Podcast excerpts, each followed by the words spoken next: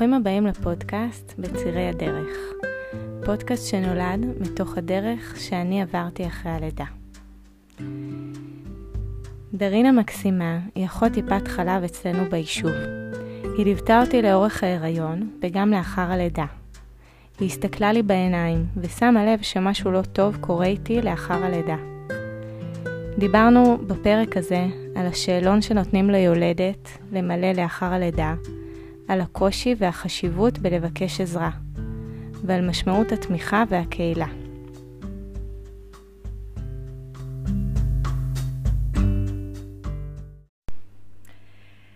אנחנו פה במרפאה, בחדר שלך, אה, במרפאה של הושעיה, בחדר של האחות. אה, וזה מאוד מרגש, אנחנו שתינו מאוד מתרגשות. אה, ואז תגידי משהו על עצמך, ואז אני קצת אספר אה, מה אני עושה פה, ולמה באתי לדבר איתך. אוקיי, ככה. אני דרין, אימא לשניים, אני אחות מ-2011. מאז שסיימתי לימודים עבדתי בבתי חולים. התחלתי בבגייה, התינוקיה, אז כאילו כל הדברים האלה קרובים מאוד לליבי, אני פה בהושעיה קרוב לשנתיים. כן, אז את גם אחות פה במרפאה ואת גם אחות טיפת חלב, נכון? נכון. כאילו זה... אני, אה, מה שקורה ביישובים, אני, אנחנו עושים את השילוב של המרפאה הראשונית וגם את המרפאה של טיפת חלב, כאילו את השירותים של הטיפת חלב, ואז ככה הכרתי אותך נכון. בעצם. ככה הכרנו. נכון. אה, בהיריון גם באתי אלייך ל, לליווי, לליווי הריון, וכבר אה, אז בעצם שיתפתי אותך ידעת שזה הולך להיות קיסרי, הלידה שלי? Mm-hmm. מה? את רוצה להגיד משהו? באופן עקרוני, ברגע שאני מקבלת אישה למעקב הריון, אני מסתכלת על הפרצוף שלה, כי לאורך כל ההיריון, במידה ויהיה דיכאון או איזשהו סימן, אז הפנים נותנים לי מין מנורה אדומה okay. כזו. אז אני בוחנת את כולכם פה. Mm. אני חושבת שזה מתחיל בסוף ההיריון, איכשהו, ואז במידה ואנחנו שמים את האצבע במקום הנכון, בשעה הטובה, אז הטיפול אחר כך זה יותר טוב, ומבחינת האימא ומבחינת התינוק החיבור יהיה יותר קל. אוקיי. Okay. תשתפי אותי עם... כן, קודם כל, את יודעת, זה משהו שאני בתור אישה שבהיריון ובאה לאחות טיפת חלב ביישוב, אה, זה לא משהו שאני יודעת שכאילו בוחנים אותי. אה, ואולי אני באמת אשתף שכששיתפתי אותך שאני הולכת לעבור קיסרי, אה, ראיתי בפנים שלך גם ש... שאת כזה מזדהה איתי ו... וכאילו רואה אותי, נכון. כזה מעבר. לזה שאני גם בעצמי עברתי שתי לידות קיסרי, אז אני יודעת שהקיסרי בעצמו זה עוד מוסיף קצת לחץ כזה. כי זה לא חזרה לשגרה באופן מהיר, אנחנו כן חייבים את הפוש הזה, אנחנו חייבים את העזרה, במיוחד אחרי הקיסרי, קשה לנו עם הרבה דברים, קשה לנו עם התפקוד, אז במידה ואין לנו את התמיכה ואת העזרה, אז איכשהו אנחנו כן נופלות בין הכיסאות. כן. אישית זה היה לי גם. כן, אז הרגשתי... כן. כאילו גם אמרת על זה משהו אז, אבל כן, גם הרגשתי... כן, ואז אני חושבת שאני שיתפתי אותך גם.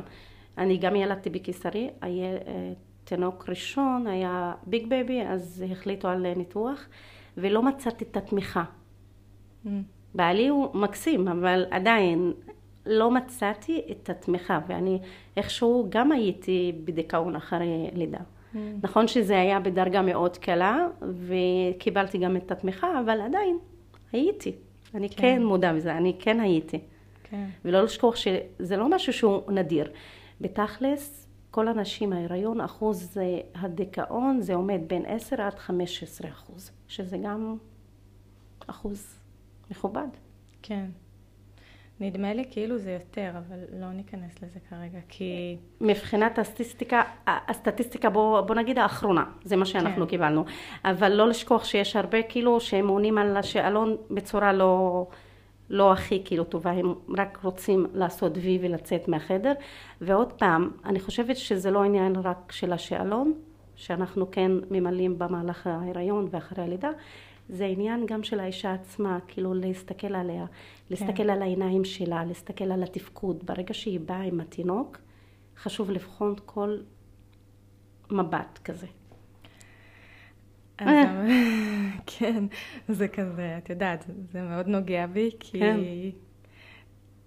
כי לפני כמה חודשים, בעצם אחרי הלידה שבאתי אלייך פה, אה, הייתי שבורה, אה, זוכרת? Mm-hmm. ואת גם באמת שאלת אותי לפני הלידה אם תהיה לי תמיכה ו- וכמה שזה חשוב, ואני מרגישה שזה גם בוער בי. אה, לדבר איתך על זה גם כאחות ביישוב, ו- וכאילו תפקיד של קהילה ו- וכל זה.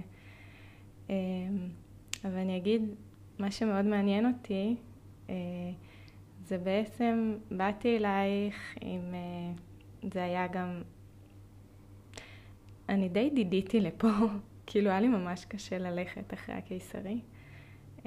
היו לי כאבים בכל הגוף, ואילון עזר לי, הוא, הוא בא איתי לכל הבדיקות של אה, נגב, וזה לא היה לי קל, כאילו גם uh, בתחושה שאני לא מסוגלת לבד, uh, ואני צריכה שהבעל שלי יבוא איתי ויהיה איתי, וכאילו, כזה סוג של רגע, זה התפקיד שלי. כאילו יש איזו תפיסה כזאת, נראה לי גם, שזה התפקיד של האימא, גם אם, גם אם האבא פנוי באיזשהו אופן. זה עדיין התפקיד שלי כאימא.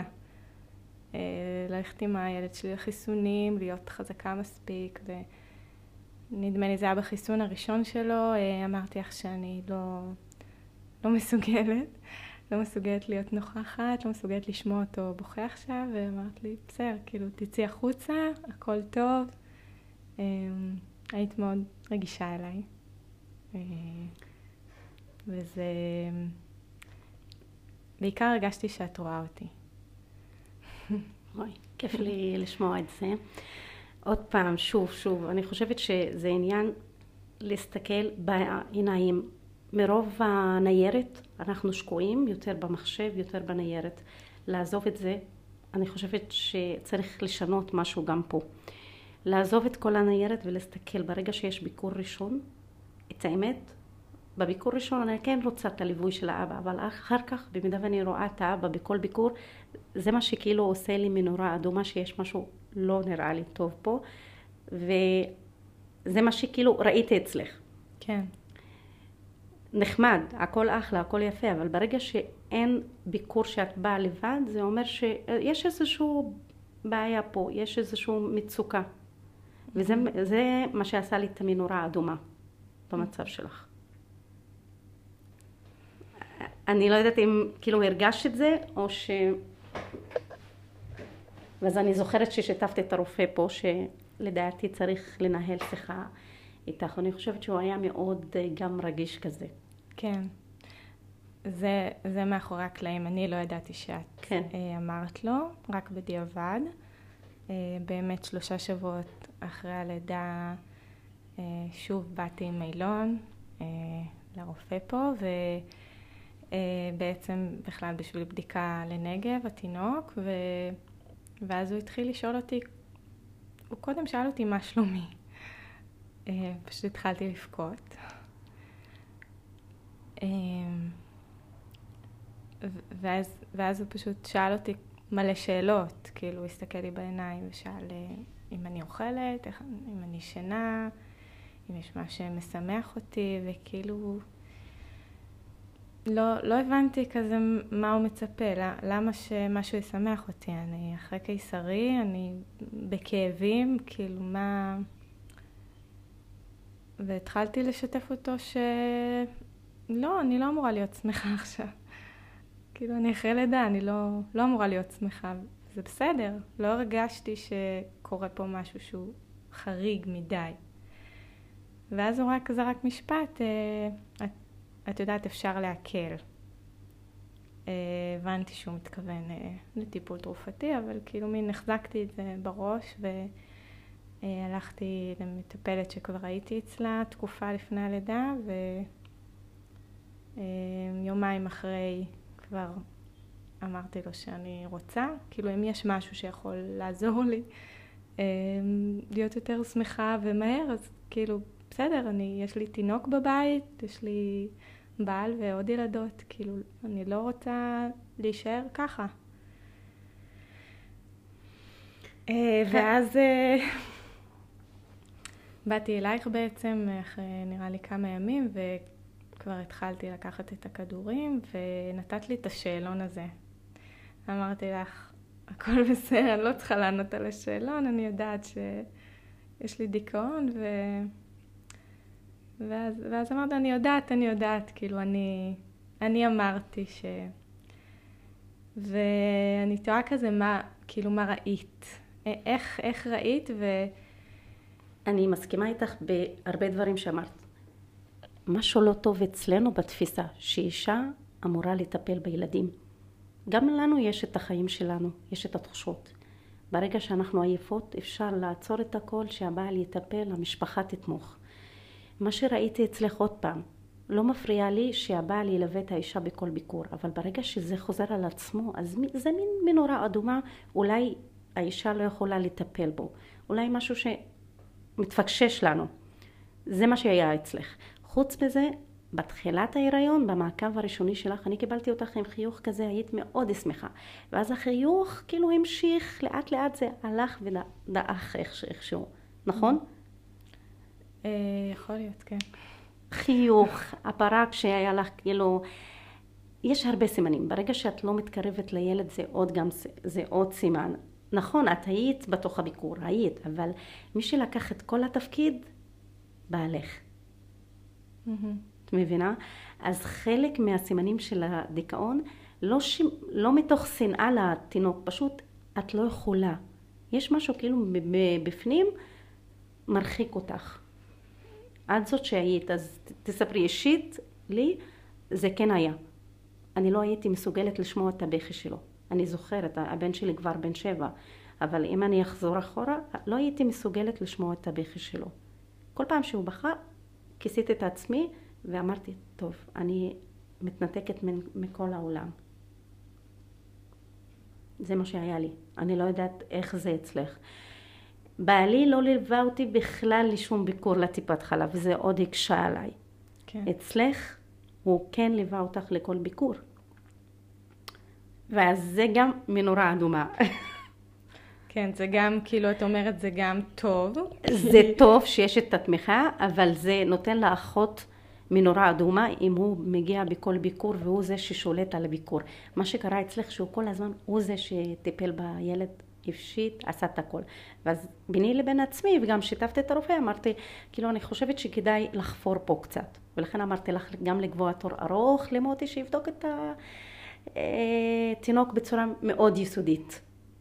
והכוונה גם כאילו שהוא יבדוק אותך, כי מן הסתם ברגע שאת מפשיטה, כאילו כל דבר, כל תזוזה שקורית בחדר הזה, מין כאילו מצלמה, אני כאילו, כאילו שאני מצלמת את, את הכל ואחר כך אני עושה את החשבון. כן.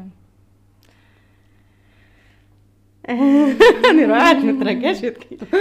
כן, זה, את יודעת, זה...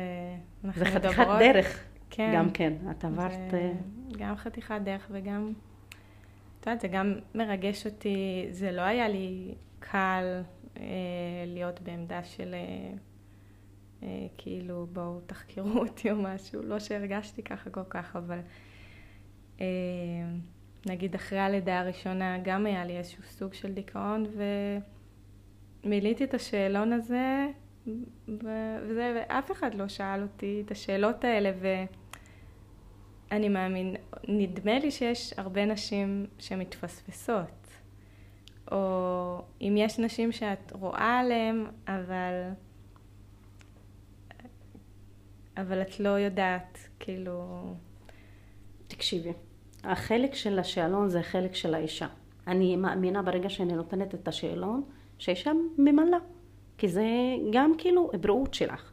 אבל בתכלס, במידה ואני רואה משהו והיא מילאה משהו אחר, אז אני לא סומכת על זה. אני כן מנהלת יחד איתה שיחה. אם אני לא מצליחה להוציא משהו, אז יש לנו גם את החלק של הרופא, שיש לו משקל כאילו פה. אה, אני לא יכולה לחייב אותה ללכת לטיפול, ולא לעו"סת, ולא לפסיכיאטר, ולא לשום אחד. כאילו, זה נטו החלטה שלה. אבל אני מנסה כמה שיותר לעזור לה. אם זה לתת לה את המספר האישי אפילו שלי, ככה שלפחות שתשתף אותי, במידה ויש איזושהי מצוקה. אני לא רוצה פתאום לשמוע חס וחלילה שהיה משהו, אני לא רוצה פשוט לחשוב על זה אפילו. שכן הייתי יכולה לעזור, ופתאום היא מילאה את השאלון, השאלון טוב, כאילו, אני מרגישה שהשאלון הזה בכלל, סליחה, כאילו, זה עניין של כיסוי. כן. כאילו, מבחינתי, אני כאחות, הגיעה, מילאה את השאלון, היא נראתה טוב, סרקתי את זה לתיק וזהו, סלמת. אבל זה לא ככה. אחרי הלידה הראשונה, בהיריון לא הרגשתי, דווקא הייתי מאוד שמחה בהיריון הראשון ומאוד מתרגשת לקראת הלידה ולא אמרת שעכשיו ראית אותי קצת שהחיוך הלך ודעך. אה, אני יכולה להבין למה את מתכוונת ובהיריון הראשון לא הרגשתי ככה אבל אחרי הלידה הראשונה אה, כן היה את השאלון נדמה לי שמילאתי אותו כמו שהרגשתי, כאילו לא, לא שיחקתי אותה. אה, זהו, אף אחד לא... הייתי, הייתי, לדעתי ראו עליי, כאילו אני, אני זוכרת גם את המבט אה, ש, של האנשים מסביב ש, שראו, אבל אף אחד לא קישר את זה לאיזה הגדרה של דיכאון, אף אחד לא שאל אותי על זה, פה, בקופת חולים. אה, ואיכשהו אני הבאתי את עצמי לטיפול בלי שאף אחד המליץ לי, אה, טיפול רגשי זה היה אז, ואחרי כמה חודשים פשוט הרגשתי יותר טוב. ובגלל זה אולי מאוד הופתעתי שעכשיו אחרי הלידה, קודם כל, לא סתם אני יושבת פה, כי אני מבינה כמה זה משמעותי שהאחות רואה וגם הרופא, ושהם רגע מתעקשים ו... אה, ושואלים ש... שאלות מאוד אישיות שלא לא כל כך נעים לענות עליהן, במיוחד שאחרי זה רואים את הרופא עם הילד וגם את האחות, כאילו זה לא איזה מטפל בחוץ שלא תראי בחיים האישיים שלך. זה לא חוויה כל כך פשוטה להיות בה. אמ, וזה... ועדיין באותו רגע אני מרגישה ש... שדי כאילו הצלתם אותי, באמת. כאילו, יש לי, יש לי מחשבות כאלה של מה היה קורה אם... לדוגמה, לא הייתי מתחילה את הטיפול התרופתי ככה מוקדם. אה, ואני באמת תוהה לגבי נשים אחרות, כי... כי רואים לפעמים, כאילו, את רואה לפעמים את המבט של, של נשים ש, שאת רואה שקשה להם יותר ממה שכאילו אמור או והן לא אומרות, והן משחקות אותה, ו... תקשיבי, להגיד או לעשות את ההגדרה של דיכאון אחרי לידה, זה לא משהו שהוא קל. כן. לא על האחות, לא על הרופא ולא לא על האישה עצמה. כי ההגדרה שלנו ללידה זה משהו שהוא משמח. אנחנו הבאנו ילד לעולם, אז הגדרה כאילו, אנחנו צריכים להיות מאושרים. הלוואי וזה היה הולך ככה והכל היה חלק. אה, עוד פעם, זה לא משהו שהוא נדיר. השאלון הזה, אישית, אני אומרת כדרין, לא מסמן לי כלום. כי היה לי כמה מקרים שהאשתה מלאה, ואז אחרי שאני עשיתי את הציון, אני אומרת לה, את מרגישה טוב והכל בסדר? אז היא אומרת לי, לא, לא, לא, טעיתי, והיא עשתה את התיקון. היא פשוט מחקה ותיקנה את התשובה שלה, שככה הציון יהיה טוב. מה זה אומרת ציון טוב? שאין לה דיכאון. Mm-hmm. אז אין צורך לשחק אותה. בסך הכל אנחנו פה בשביל לעזור. אני כן כאילו מבינה אותך, אנחנו נפגשות הרבה, אז את לא רוצה גם שכל פעם, כאילו, איך להגיד את זה? הדר זאת שהייתה עם דיכאון. לא, אנחנו לא אומרים את זה בכלל. כל מה שאנחנו אומרים בתוך הארבע הקירות פה, זה נשאר פה ורק פה, זה לא יוצא החוצה. דווקא המקום שאת יכולה לדבר באופן שקוף וחופשי זה אצל הרופא ואצל האחות. כי מה שמדברים בחדר עם דלת סגורה זה לא יוצא החוצה. אנחנו לא פה משחקות איזשהו חברות, ישבנו לקפה ואחר כך אני אשב עם, עם עוד מישהי ואני אספר לה הדר ככה וככה. חוץ מזה, זה לא משהו שרע, זה לא משהו שחטית פה. סך הכל מרגישים לא טוב. כן. זה וזה עניין של גם הסתגלות, לא לשכוח שזה עוד ילד בבית. את עם עוד שני ילדים. אני גם אדבר על עצמי, זה היה הילד הראשון ולא ידעתי כלום. נכון שאני אחות, עבדתי בילדים בפגיע, ברגע שילדתי שכחתי את הכל. וכולם עם ציפיות שדרין יכולה להסתדר לבד. זה לא נכון. אחרי לידה אנחנו כן זקוקות לעזרה. אנחנו כן זקוקות לאוכל מוכן. אנחנו כן זקוקות לישון. נראה לי ברגע שאנחנו מורידים מהעומס ומרגישים שזכותנו לבקש את העזרה, זה לאט לאט יסתדר. נראה לי שקשה לנו להגיד שאנחנו זקוקות לעזרה. אנחנו כן רוצים כל הזמן להיות בשליטה. מה לך עזר בתקופה ש... אני, איך את יודעת שהיית בדיכאון? אני הלכתי לטיפול, לא שאני כאילו עזרתי לעצמי לבד, אני כן הייתי בטיפול רגשי. ואני אגיד לך את האמת, גם שחררתי קצת, אני הייתי, כמו שאת אומרת, אני רוצה לטפל בילד שלי. לא. אז כמו שהיא אמרה לי, לא, זה לא נכון. הוא גם אבא, הוא ייקח את החלק שלו. כולנו עובדים. אז בזמן שהוא נמצא בעבודה, שמישהו אחר יטפל. לקחתי לעצמי יום חופש כזה, יצאתי. השארתי את הילדים, הוא זה שיטפל. זכותנו. כן. ההיריון והלידה זה תהליך שהוא ארוך, תהליך שהוא קשה. אנחנו עוברים הרבה שינויים מבחינת הגוף, לא לשכוח הגוף שלנו גם כן, שאנחנו עולות במשקל ואז אחר כך אנחנו כן רוצות להוריד, וזה לא קל, זה לא פוקוס פוקוס. ירדתי, חזרתי למשקל שהייתי, זה לא עובד ככה. ואז הדימוי גוף איכשהו גם נפגע, וזה גם כאילו מקשה מבחינת ההסתגלות. איך בבית קיבלו את זה, ובעלך? לא לשכוח שיש הבדל גדול בין המגזר הערבי כן. לבין המגזר היהודי. אצלנו קשה לקבל שמישהו בונה לטיפול פסיכולוגי או לטיפול רגשי. למה? מה יש לך? הכל בסדר. יאללה, תסתכלי, הילד שלך. את מסודרת, יש לך אה, עבודה, יש לך בית, הבעל שלך תומך. את יודעת, כל הדיבורים האלה, כאילו, מסביב. ולכן אנחנו עושים את, את הכל בשקט. Mm. אני זוכרת שלא סיפרתי לאף אחד על זה. הלכת לבד. הלכתי לבד. לבעלי גם לא סיפרתי. וואו. מבינה? אצלנו זה קצת קשה עדיין. כל התפיסה של הטיפולים הרגשיים, הפסיכולוגיים, וזה, זה עדיין קשה. מה? חולת נפש. זה, זה הדבר הראשון שהיו אומרים לי. ואז אני עשיתי, נראה לי, את הטיפול לבד, בשקט כזה. בזמן שהייתי בטיפול, אני רוצה לשתות קפה יחד עם החברה שלי. וזה באמת הציל אותי. וואו. אצלכם, אני חושבת שזה אחרת. תתקני אותי אם, אם אני טועה. אבל אני מרגישה יותר את התמיכה, לדוגמה, אצלכם, אצלך.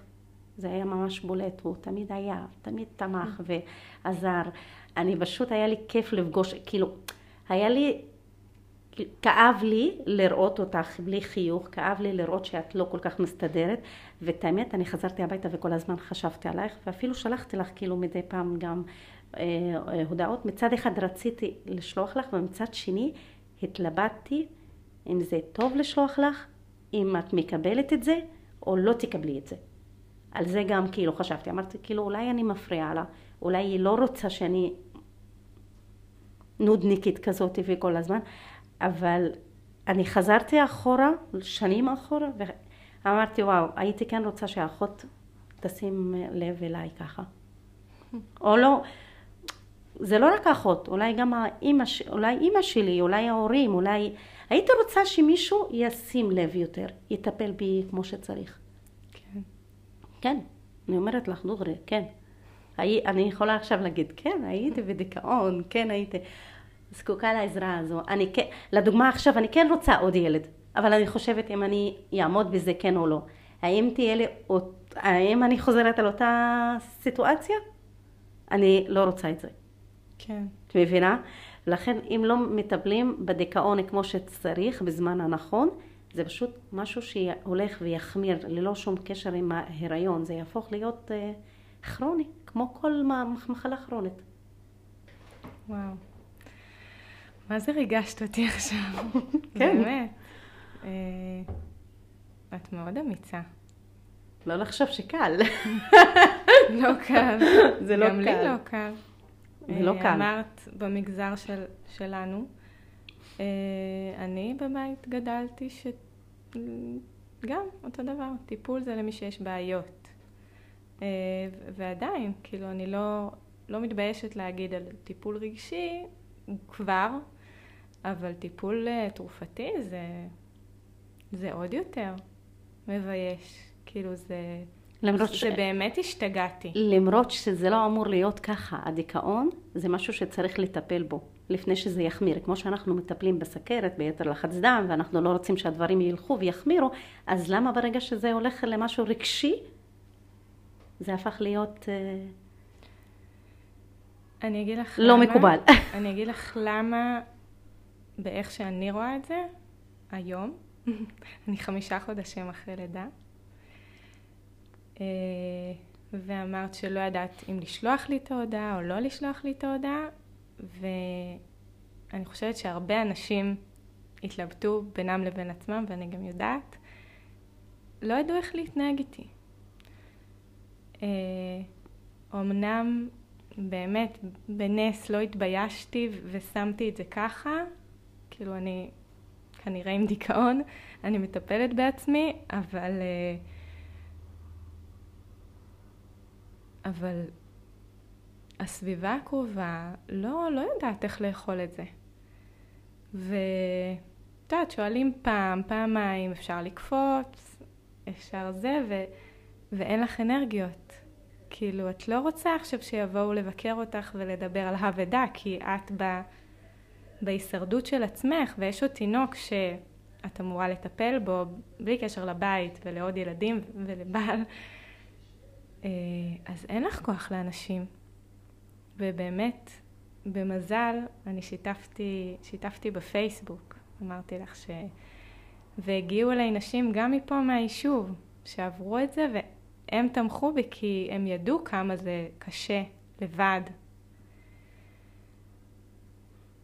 עשה לי טוב ההודעות ששלחת לי, באמת, מהמקום. הכי אישי, כי הרגשתי שאת רואה אותי ושאת לא, את לא מרחמת עליי.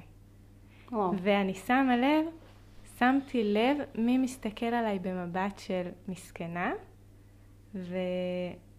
והרחקתי הרחקתי את זה. לא רציתי את המבט של את מסכנה, כי גם ככה הרגשתי מסכנה. אז זה לא תומך בי עכשיו. ואנשים שהרגשתי שהם רואים אותי, ולא רואים רק את הדיכאון, הם רואים את כל מי שאני, וגם הם מאמינים שאפשר לטפל ושזה יעבור, אותם רציתי קרוב אליי. אה, את היית אחד מהם. וואו. ו... ויש משהו ש...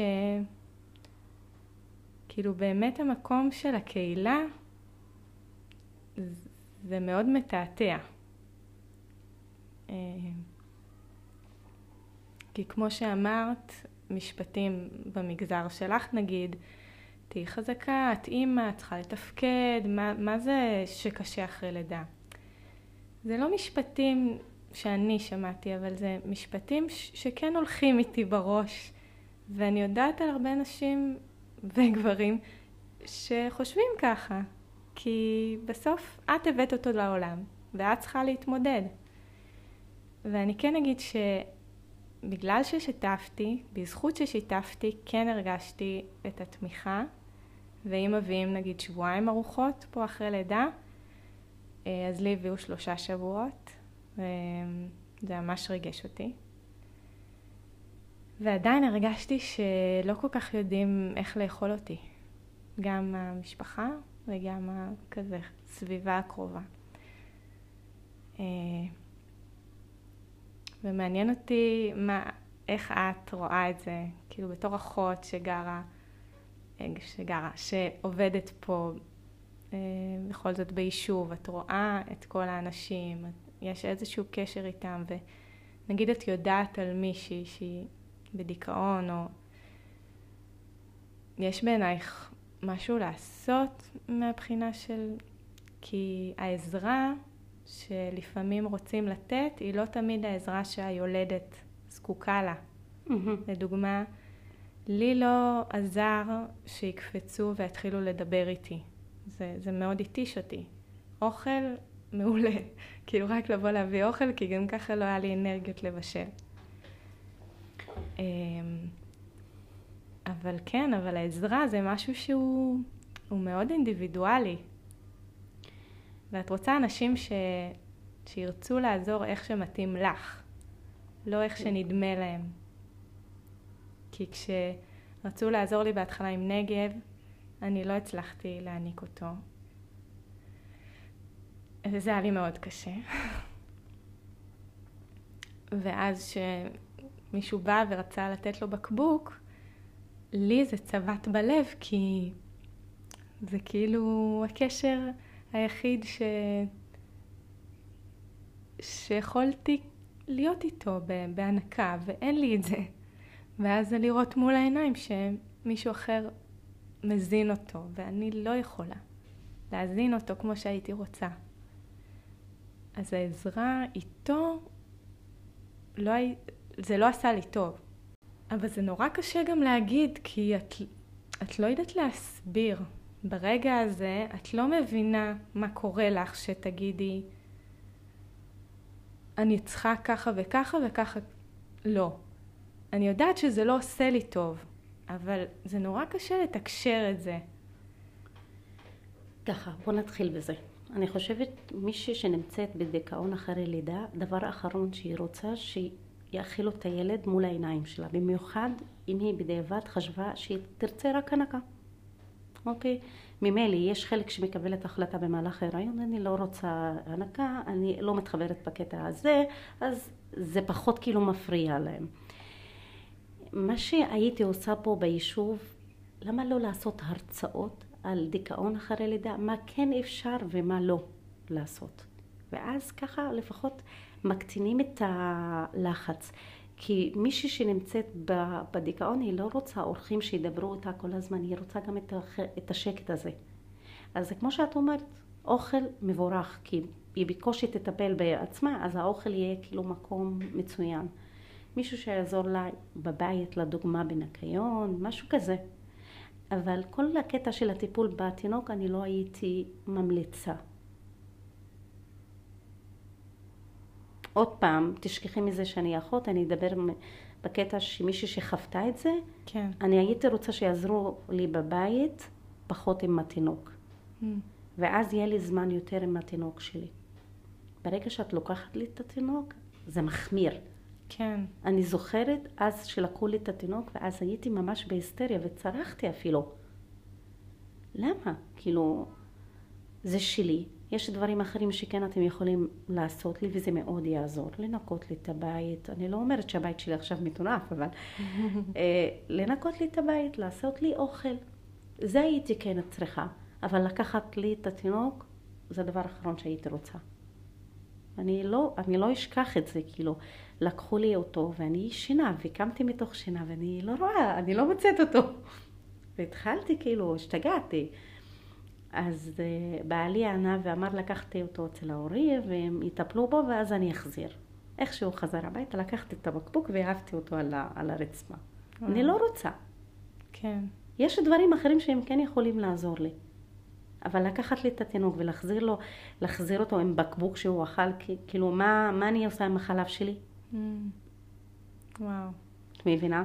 ולכן אני כאילו עכשיו חושבת על זה, ואני אומרת, כאילו צריך להעלות את המודעות של האנשים. יש דברים שכן, אישה אחרי לידה זקוקה, ויש דברים שאסור לעשות אותם.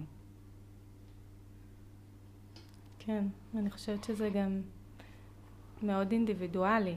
זה כן שונה. אה, ואני שמחה על זה שאת מזדהה עם, עם הקטע של, של התינוק, כי יש גם איזה סטיגמה כזאת שאישה עם דיכאון אחרי לידה, אז היא לא יכולה לטפל, היא לא, לא מטפלת בתינוק והיא לא קשורה אליו, ודווקא אני הרגשתי שהוא הדבר היחיד שאני רוצה ו- ומסוגלת, כאילו הוא מחזיק אותי. בדיוק. יש הבדל מאוד גדול. יש נשים שכן, איך שהן יולדות, הן לא מסוגלות להסתכל אפילו על התינוק, הן לא מעיפים מבט על התינוק. אבל כל אחד זה, זה, זה גוף אחר, זה תחושות אחרות, אז אה, במקום לקחת את ההחלטה, מה שמחמיר את המצב, שלוקחים את ההחלטה, כאילו הם מחליטים במקומך, וזה עוד מחמיר את המצב. כן. כאילו... זה, זה, זה כן שונה, וואו. מה? אני אומרת, זה, זה כן שונה. יש מי שכן, שכן תרצה שיקחו לה את התינוק, יטפלו mm. והכל, אבל עוד פעם, זה תלוי בדרגה של אה, הדיכאון, זה תלוי באישה עצמה, זה תלוי גם במהלך ההיריון, בכלל, אם הילד הזה רצוי כן או לא, גם כן. יש עוד הרבה דברים שלא דיברנו עליהם. כאילו, במידה והיא לא רצתה את ההיריון, אז היא גם כאילו קשה לה לטפל בילד, ואז כן הייתי כאילו עוזרת לה עם התינוק בינתיים עד שתתאושש ותבין שהתינוק כבר פה, זה ייקח זמן, זה לא משהו שהוא קל. כן, אבל אי אפשר לדעת אם, אם לא מתקשרים את זה עם האישה. בדיוק, זהו. כאילו זה לא מצב של אין עם מי לדבר, בכל זאת, כאילו... היא כן מדברת, היא, היא כן יודעת לחלוק, בדיוק, היא, היא פה, תשאלו אותה, במקום לקחת את ה... בדיוק, לשאול, לא להניח מה עוזר ומה לא עוזר, ו... ובחוויה שלי, גם לפעמים כששואלים ו... והיא אולי לא רוצה להטריח אחרים, תנסו שוב. זה מאוד קשה, כמו שאמרת, לבקש עזרה, כי mm-hmm. ירגילו אותנו להסתדר. וזה החיים. ו... וכמו שאת אומרת, זה רק מחמיר. הביקורת הזאת שיש לך בראש על עצמך, וגם לפעמים שומעים אותה מהסביבה, היא רק מחמירה את המצב, ואם רוצים לעזור, אז זה באמת להבין ש... אה, לאט לאט זה לוקח זמן. אני חושבת מי שירצה גם לתת עזרה, זה מישהו שמכיר אותך קודם. אז הם פחות או יותר מכירים מה כן את אוהבת, מה את פחות אוהבת. חוץ מזה, מי שנמצא בדיכאון שוב, הוא לא מנותק מכל החיים. הוא כן, הוא כן איתנו, תשתפו אותי, אני פה, אני חלק. נכון. נכון שקשה לי בנקודת הזמן הנוכחית, זה לא אומר שתמיד קשה לי. נכון. אני בסך הכל צריכה מישהו שיושיט לי יד, יחזיק לי את היד, ואז אני יוצאת מזה. ברגע שלא מושיטים יד, או שמתחילים עם כל ההנחות, הביקורת, ה... כן את יכולה, כן, מה, כאילו, יאללה, אני זוכרת שאמרו לי, יש לנו עוד שבע בבית, כאילו, מה יש לך? יש לך רק אחד. זה דבר אחרון שהייתי אומרת למישהו. כן, זה מוריד. לך זה קל עם שבעה ילדים. לי זה קשה עם ילד אחד, מותר לי גם. תניחו לנו, תורידו את כל המשפטים שאני לא צריכה אותם. אני חושבת שאף אחד מאיתנו לא צריכה את הביקורת הזו. לכל אחד יש את המסגרת שלו, יש את החיים שלו. לכל אחד חווה גם משהו כאילו בחיים שלו, ויש לזה גם השלכות הלאה. כן. וואו, זה נעים לשמוע כל מה שאת אומרת. אמ, אולי נסיים ב... רגע, אני, יש עוד משהו ש... לא, אם יש לך איזשהו שאלות. כן, רציתי, רציתי באמת לשאול אם יש מישהי ש, ששומעת אותנו ו, והיא מרגישה שכן יש איזה משהו כזה מעבר, שהיא, שהיא לא בטוחה.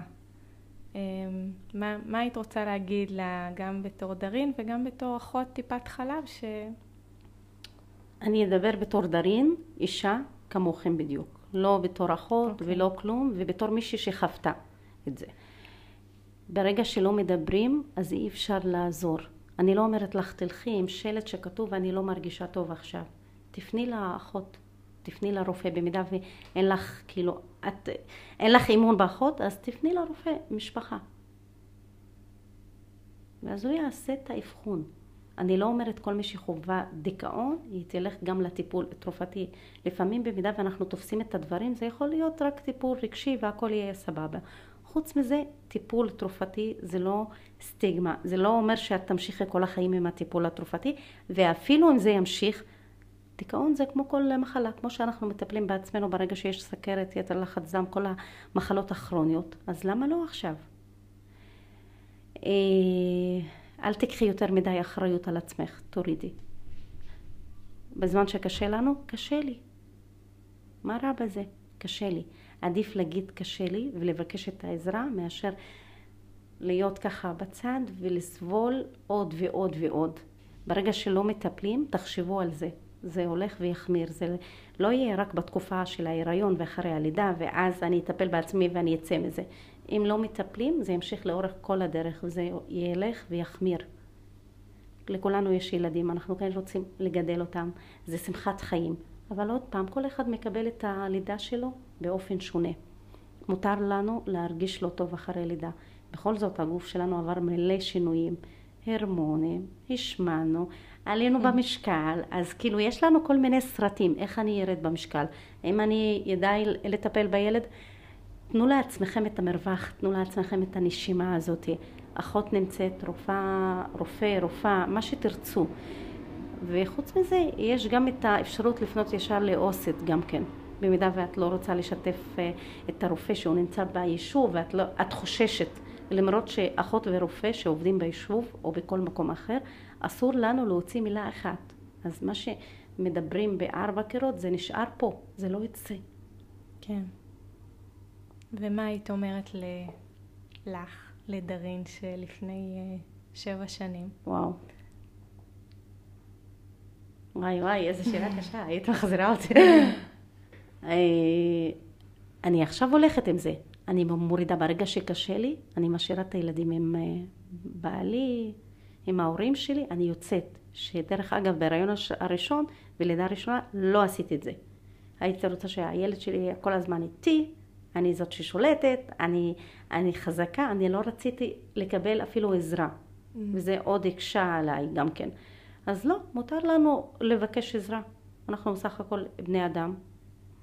עייפים, מה? מה שאני עושה עכשיו לעצמי, לדוגמה, אני יוצאת לפעמים בלי ילדים, לשתות לבד, אפילו בלי חברות, בלי כלום. אני זקוקה לעצמי. אני אומרת, זה זמן כזה פינוק, רק דרים. אני יוצאת, שותת קפה לבד, ארוחת בוקר לפעמים לבד.